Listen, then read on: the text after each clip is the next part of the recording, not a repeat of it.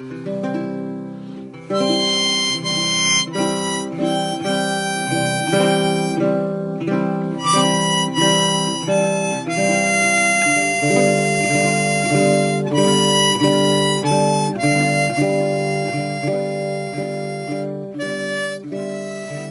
vir Martinus van Bart hier in die ateljee. Martinus is eintlik bekend as 'n historikus en is 'n skrywer en 'n joernalis. Martinus, mag ek maar praat van die bekvletjie toe begin jy bekvletjie speel?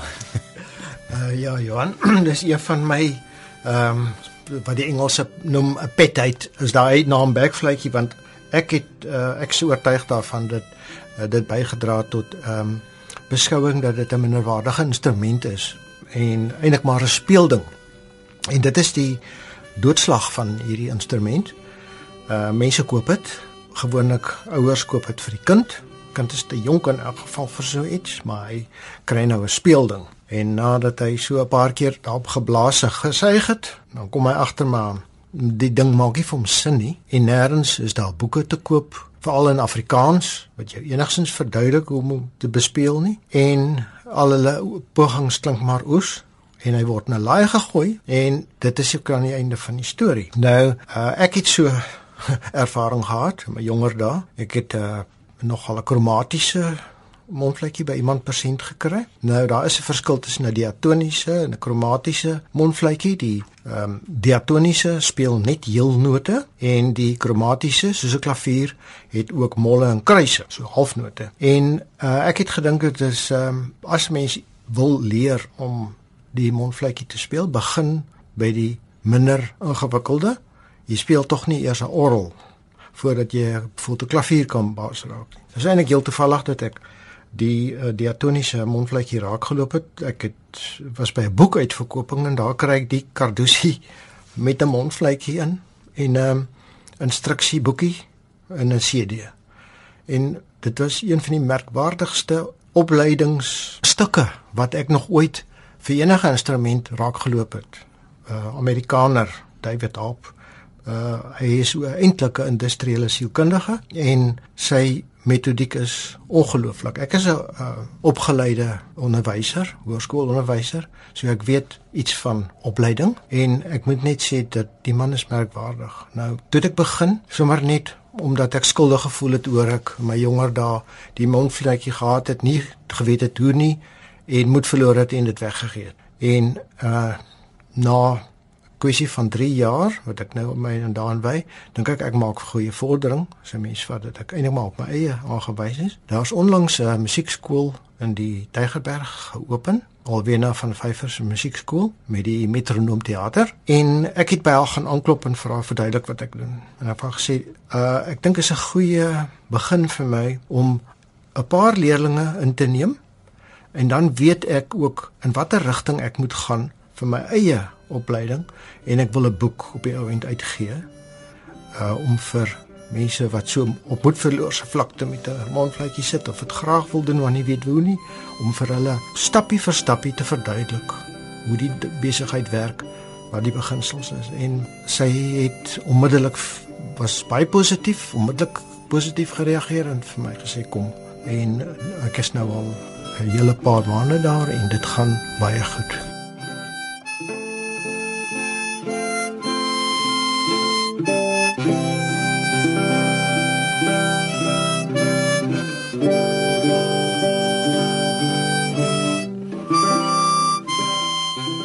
Ek leer vir die mense hoe om die harmonika te speel en dit gaan oor inasem en uitasem. So jou heel eerste ding wat ek vir hulle leer is hulle noem dit die trein. Dis 'n baie ou tradisionele uh kom ons sê beginners musiekstuk. En uh, jy haal eers net gewoonweg asem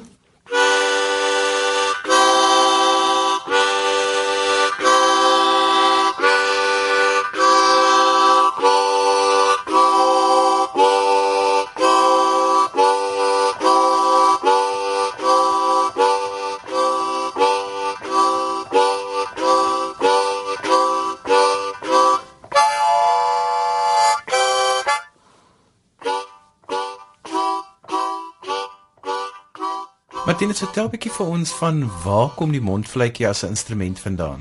Johan baie interessant. Dis eers toe ek nou werklik begin het om eh, die besigheid in te studeer en te probeer uitvind waar waar gaan waar kom dit vandaan? Hoekom hoekom werk hy so? Hoekom lyk hy so?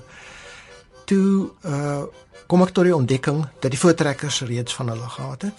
Dit was die tyd toe Honor, die Duitse harmonika vervaardiger, begin het om die harmonikas en harmoniums, die, die huisorgeltjies na Amerika toe uit te voer. En die skepe wat dan op pad Amerika toe was, het baie keer by die Kaap langs gekom en dan het hulle van hulle instrumente aan die plaaslike smouse verkoop.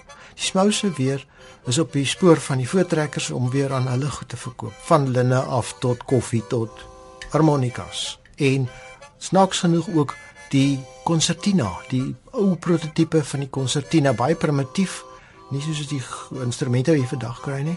En met die min wat die voortrekkers gehad het tot hulle beskikking vir al sulke goed soos instrumente, hulle eie musiek begin maak. Baie van hulle het wel 'n uh, musiekopleiding gehad toe hulle vertrek het uit die Kaap uit en daar was enkeles wat viool kon speel. So het die viool, die concertina en die mondfluitjie ons boermusiek begin. Daar was toe nog nie trekklaviere nie. Trekklaviere dateer eers uit die na die 1920s. Die kromatiese mondfluitjies is eers in die 1920s uh, vervaardig en die gitaar het baie laat sy opwagting in Suid-Afrika gemaak.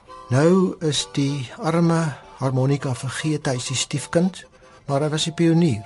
In die Anglo-Boereoorlog het heelwat boere mondfluitjies by hulle gehad, want dit was baie maklik om net in die sak te druk en saam in die geveg te neem en agterna te ontspan daarmee. En so hier en daar lees jy ook van die boer van die boere en hulle agterryers wat die konsertina by hulle gehad het. En ehm um, so het ons boere musiek uh, ontstaan en het ontwikkel met hierdie paar instrumente.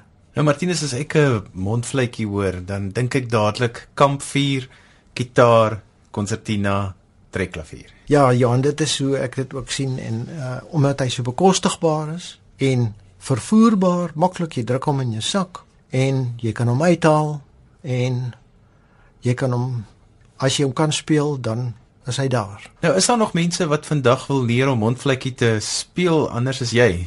O ja, definitief. Ek het om onmiddellik nadat ek die skool geopen het, ek begin navraag kry en ek het reeds 3 leerdlinge, twee volwassenes en 'n skoolgaande leerdlinge. Dan het ek baie navraag gehad. Mense wat my kom besoek het. Daar was byvoorbeeld 'n dame wat in 'n boereorkes is en sy wou gehad het dat die hele orkes moet almal kom klas neem, neem by my omdat sy gevoel het dat die mondvletjies so aanpasbaar en veelsidig is en sy het gereken almal van hulle behoort te kan speel. Daar's baie boermusiekmense wat mondvletjies het, maar as jy hulle vra, "Hoe speel jy? Hoe doen jy dit? Wat is jou asemhalingspatroon? Kan jy bladmusiek lees? Kan jy van 'n musiekstuk af 'n harmonika stuk verwerk en dit speel?" Dan skud hulle hulle kop en sê, "Nee, jammer, ek kan nie." ek het by my pa geleer of ek by my oupa geleer deur net te kyk en te luister en na te boots. Maar eintlik weet hulle nie mooi hoe die saak mekaar steek nie. En dit is wat ek nou wil probeer doen met my boek en ook natuurlik nou met die klasse. Baie skram weg vir die fooie wat deur die skool vasgestel word, maar as mense in ag neem dis lokaal, dan moet huurgeld betaal word, dis lugreëling, dis elektrisiteit, daar's toiletgeriewe uh, dis als goed dit geld kos dan is die fooie wat gevra word eintlik baie baie billik. Maar mense wil lyk my partykeer goed net verniet hê. So ons kry baie uh, navraag, maar nie so baie mense wat opdaag nie. Wat is die uitdaging om 'n mondvlekkie te kan speel? Wat maak dit 'n moeilike instrument? Twee dinge. Om dit 'n backfluit te noem, maak jy dat dit sommer maar net so 'n dingetjie is.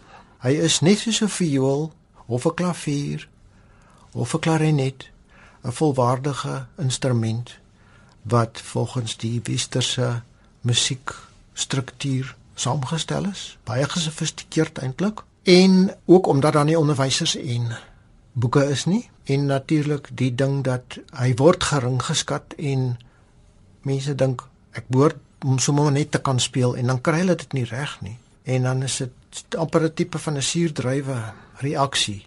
Ag, dis maar 'n simpel ding hierdie en hy word nie laai gegooi. Ek ek ek dink dit is want ek het met soveel mense al gepraat en sê hulle vir my, "Wie ek het een gehad, maar kon dit nooit speel nie." Een van my leerlinge nou het 'n stuk of 3 of 4 onvlekkies gehad en hy wil verskriklik graag dit speel want hy hou van die musiek wat hy hoor, maar hy weet nie hoe nie. En na een les het hy skielik begin agterkom hoe werk die ding. Na 3 lesse, toe kan hy al begin liedjies speel, dingetjies speel. En hy sê vir my dit is vir hom absolute openbaring net die geheime wat ek hom meegedeel het. Nou Martinus, as mense met jou wil gesels oor die mondvletjie en hulle wil dalk uitvind van lesse, hoe kan hulle met jou kontak maak? Ehm uh, die beste manier is natuurlik e-pos want dan kan 'n mens lekker lank gesels en uh, dis is 'n telefoon wat al jou geld opvreet nie.